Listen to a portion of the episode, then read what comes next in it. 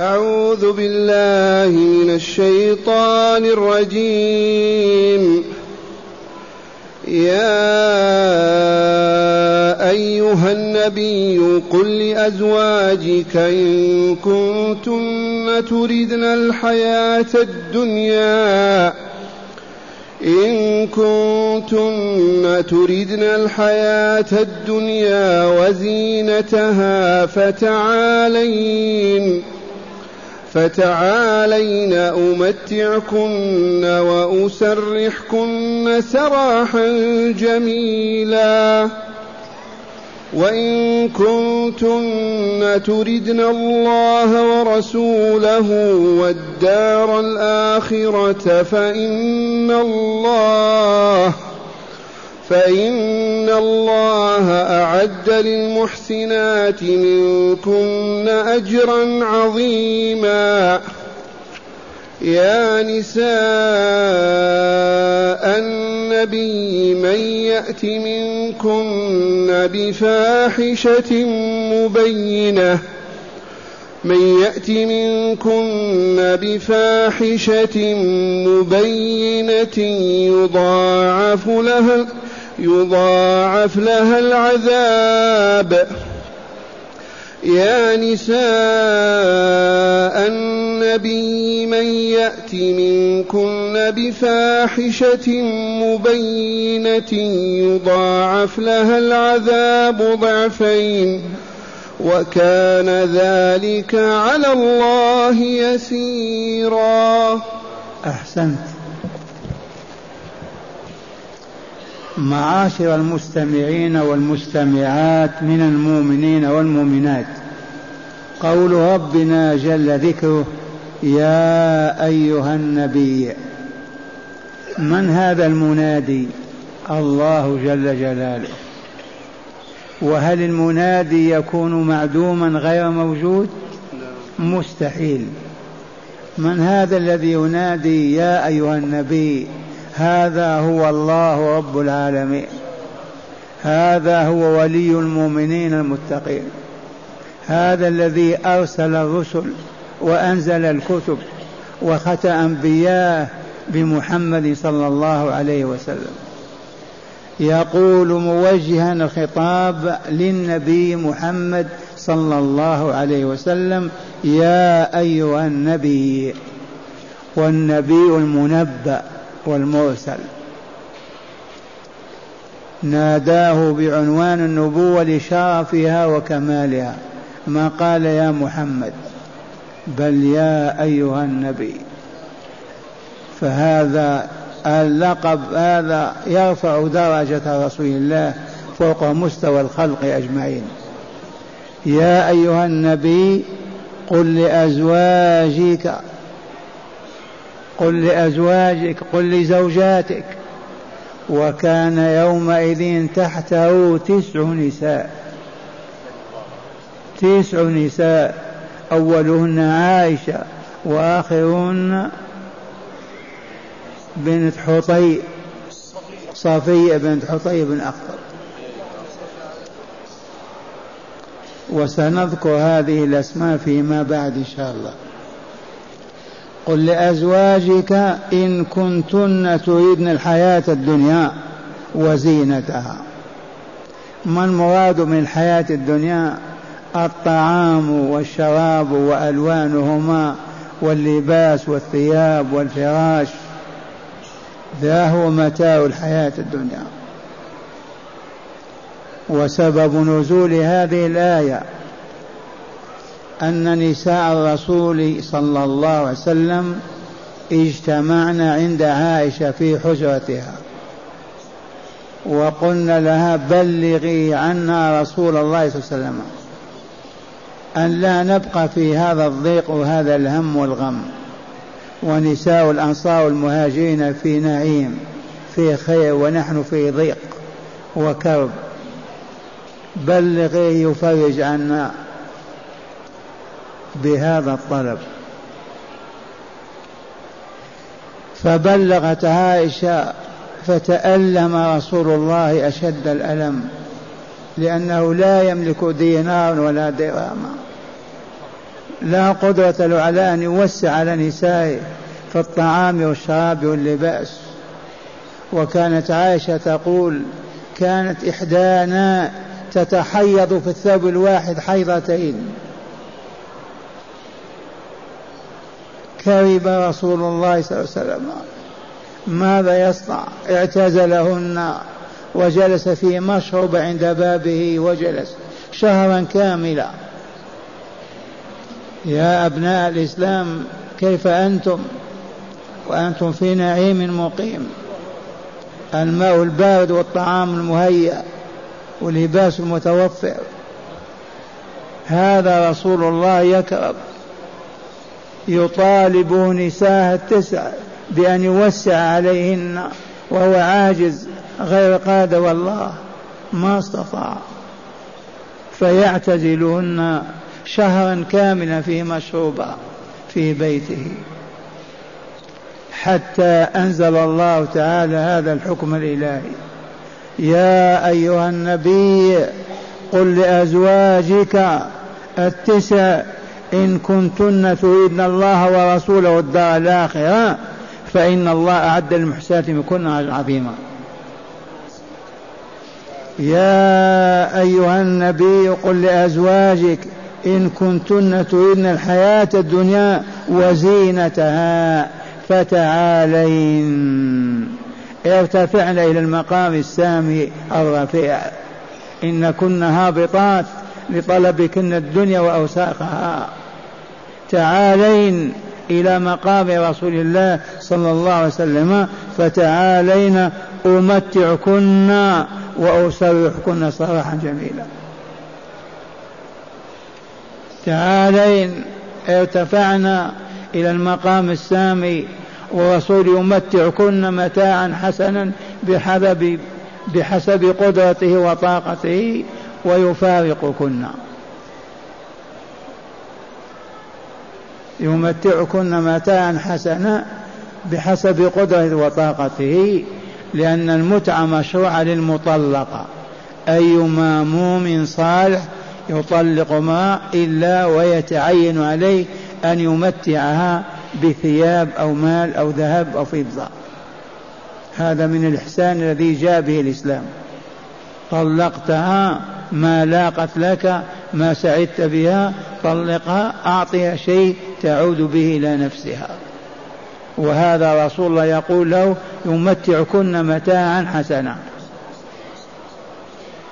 فتعالين أمتعكن متاعا حسنا وأسرحكن سراحا جميلا. تذهبن حيث شئتن. ولما نزلت الآية دعا رسول الله عائشة وقال يا عائشة أذكرك بقضية أذكر لك أمرا. لا تفعلي شيء حتى تستأذني أبويك أمك وأباك. ما هو يا رسول الله؟ فقرأ عليه هذه الآية. فقالت عجبا أختار الدنيا وأوساخ على رسول الله على الله ودينه. ما كنت ابدا لاختار الدنيا وأوساخها على رضا الله ورضا رسوله.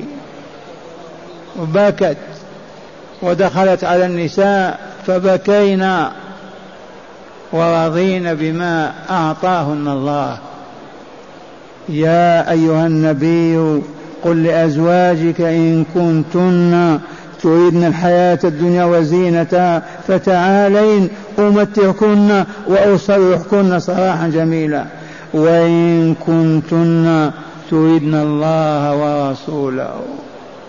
اللهم إنا نريدك ونريد رسولك. يا رب العالمين. اللهم إنا نريدك ونريد رسولك والدار الآخرة. وإن كنتن تريدن الله ورسوله والدار الآخرة فإن الله عد وهيا وأحضر للمحسنات منكن أجرا عظيما. لا حد له ولا مقدار له. وهو النعيم المقيم في الجنة دار السلام. أيام عاشها رسول الله شهرا كاملا. حتى نزلت هذه الآية وفرجت الهم والغم. ونحن في خير وعافية وقل منا من يحمد الله بلسانه وقلبه في صدق. الحمد لله الحمد لله الحمد لله. إذا أكل أو شرب إذا ركب أو نزل إذا لاقى مؤمن إذا سلم عليه. الحمد لله لأنها نعم ما عرفها من سبقنا ولا عاش فيها أبدا. وإن كنتن تردن الله ورسوله والدار الآخرة الجنة ونعيمها فإن الله أعد هيا وأحضر للمحسنات. جمع محسنة التي تحسن سلوكها مع زوجها تتأدب مع رسولنا لأن أذية الرسول قريبة من الكفر والعياذ بالله. والمحسنات الذي لا يحسن العيشة مع رسول الله ويحسن العبادة لله. والإحسان في العبادة أداؤها على الوجه المطلوب كما بينها رسول الله صلى الله عليه وسلم بلا زيادة ولا نقصان ولا تقديم ولا تأخير. أجرا عظيما ألا وهو الجنة ونعيمها. جعلنا الله وإياكم من أهلها. ثم قال لهن يا نساء النبي وهذا النداء فيه شرف عظيم وإلا لا يا نساء النبي محمد صلى الله عليه وسلم يا نساء النبي من يأتي منكن بفاحشة مبينة يضاعف لها العذاب ضعفين. ولهذا ولهذا معشر المستمعين أن خطيئة العارف العالم تعدل خطايا مئات الجاهلين غير العالمين. زلة العالم أفحش وأقبح من عشرات زلات الجاهل. فلنذكر هذا. يا نساء النبي من يأتي منكن بفاحشة مبينة واضحة. يضاعف لها العذاب ضعفين. وكان ذلك على الله يسيرا. هل المراد بالفاحشة هنا الزنا؟ الجواب لا وإن أراده ابن جرير. لأن كلمة فاحشة إذا ما نكرت هكذا تطلق على كل عمل غير صالح كل عمل غير حسن. لكن إذا كانت بأل الفاحشة الزنا. والذين واللذان ياتيان منكم أي الفاحشة أي الزنا. فينزه نساء الرسول أن تزني واحدة منهن وهن أمهات المؤمنين. فالمراد بفاحشة هنا الخصلة الذميمة التي فيها أذى لرسول الله صلى الله عليه وسلم. حتى النظر الشجرة أو الكلمة العالية. من يأتي منكن بفاحشة مبينة يضاعف لها العذاب ضعفين مرتين أو ثلاث لأن مقامه ومنصبها ما يتفق مع الزلة مع السقط مع السيئة. وكان ذلك على الله يسير ما هو بصعب ولا شاق عليه أن يضاعف لها العذاب ضعفين. هين على الله عز وجل.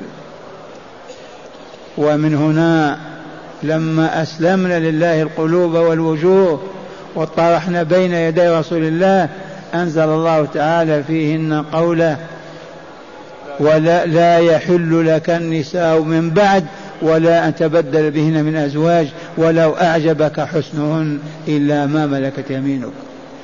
فرضي الله عنهن وأرضاهن. ولنسمع شرح الآيات من الكتاب. معنى الآيات.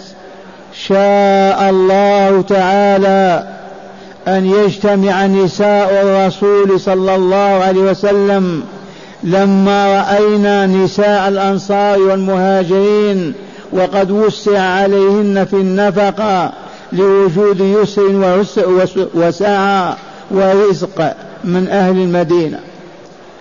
أتى يطالبن أي أتى نساء الرسول الكريم يطالبن بالتوسعة في النفقة عليهن أسوة بغيرهن وقدوة. وكن يومئذ تسعة من النساء وهن عائشة بنت أبي بكر الصديق وحفصة بنت عمر وأم حبيبة بنت أبي سفيان ومن وميمونة بنت بن زمعة وسودة بن زمعة وأم, وأم, وأم سلمة بنت أبي أمية وزينب بنت جحش وميمونة بنت الحارث الهلالية وجويرية بنت بنت الحارث المستقلية المستقلية وصفية بنت حيي بن أخطب النظرية. فهؤلاء تسعة كن تحت رسول الله صلى الله عليه وسلم. وقد تزوج الرسول غيرهن وطلق وتزوج خديجة وأنجبت له البنين والبنات وتوفيت قبل الهجرة. قال وحيي نعم وصفية بنت حيي بن أخطب النظرية. فأبلغت عائشة ذلك رسول الله صلى الله عليه وسلم. فأبلغت ذلك عائشة رسول, رسول الله صلى الله عليه وسلم فتأثر لذلك لعدم القدرة على ما طلب منه وقعد في مشروبة له واعتزلهن شهرا كاملا. حتى أنزل الله تعالى آية التخيير هذه خيرهن بين البقاء وبين الطلاق. آية التخيير وهي هذه يا أيها النبي قل لأزواجك إن كنتن تريدن الحياة الدنيا وزينتها من لذيذ الطعام والشراب وجميل الثياب وحل الزينة ووافر ووافر ذلك كله فتعالينا إلى مقام الرسول الكريم الرفيع أمتعكن المتعة المشروعة في الطلاق وأسرحكن أي أطلقكن سراحا جميلا. أي لا إضرار معه. وإن كنتن تردن الله ورسوله أي رضا الله ورضا رسوله والدار الآخرة أي الجنة فإن الله أعد أي هيأ وأحضر للمحسنات طاعة الله للمحسنات طاعة الله ورسوله منكن أجرا عظيما. وهو المقامات العالية في حضرة النبي صلى الله عليه وسلم في دار السلام.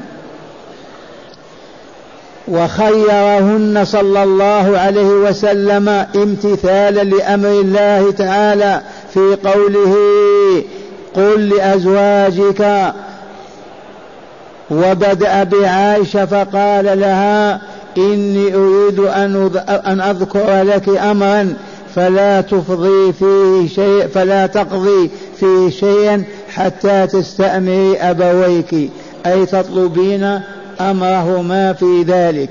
وقرأ عليها الآية فاختارت الله ورسوله والدار الآخرة. وتتابعن على ذلك فما اختارت منهن امرأة غير الله ورسوله والدار الآخرة.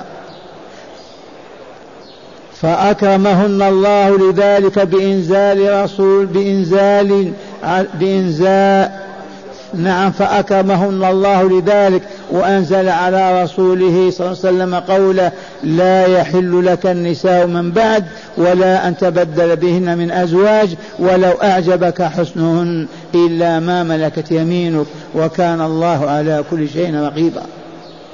وقوله تعالى يا نساء النبي من يأتي منكن بفاحشة مبينة أي بخصلة قبيحة ظاهرة القبح كدرا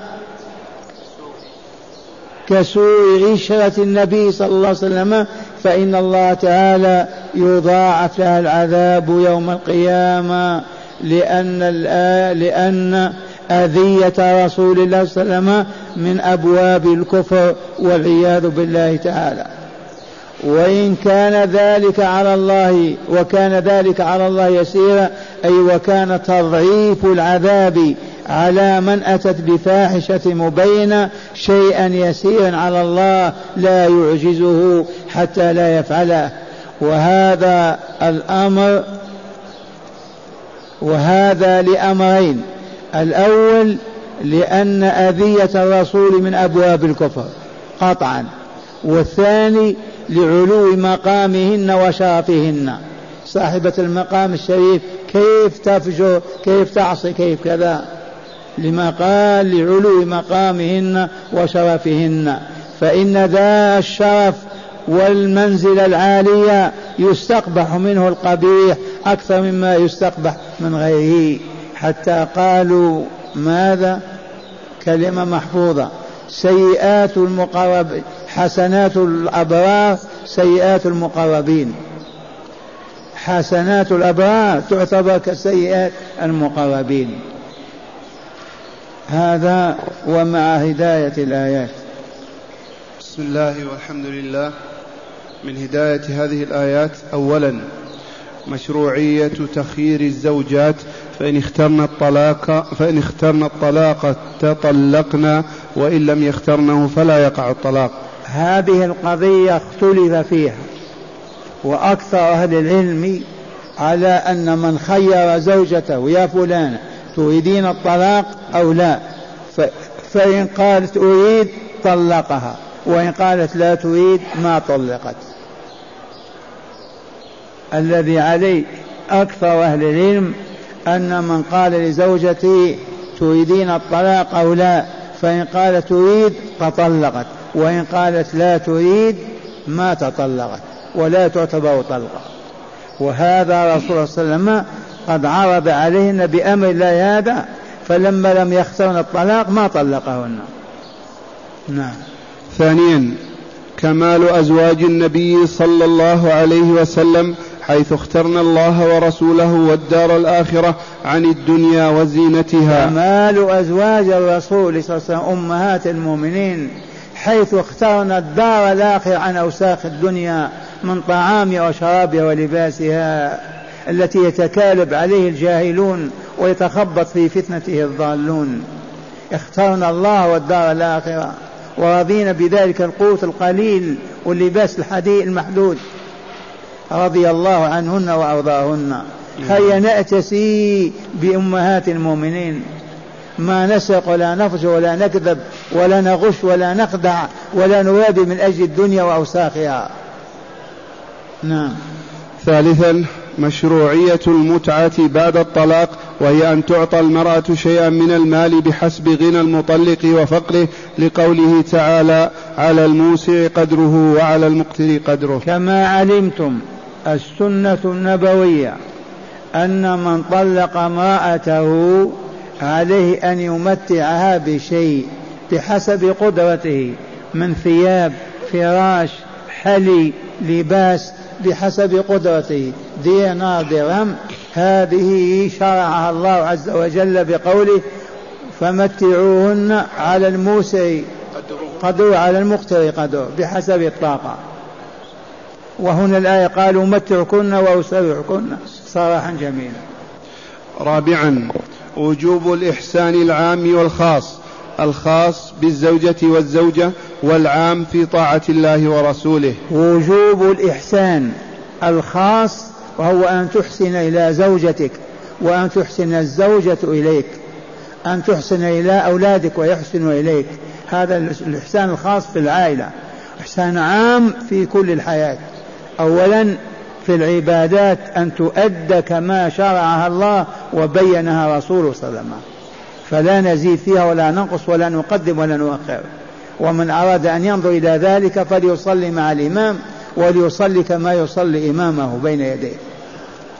كذلك من عمل عملا آخر يحسنه ويتقنه ولا يعبث به ولا يزيد ولا ينقص. كذلك الإحسان العام لكل إنسان بلا أذى ولا ضع ولا ولا ضرر ولا أذى بحال من الأحوال. فالإحسان عام. اللهم اجعلنا من المحسنين. آمين. اللهم اجعلنا من المحسنين. وأخيرا بيان أن سيئة العالم الشريف أسوأ من سيئة الجاهل الوضيع ولذا قالوا حسنات الأبرار سيئات المقربين. نعم.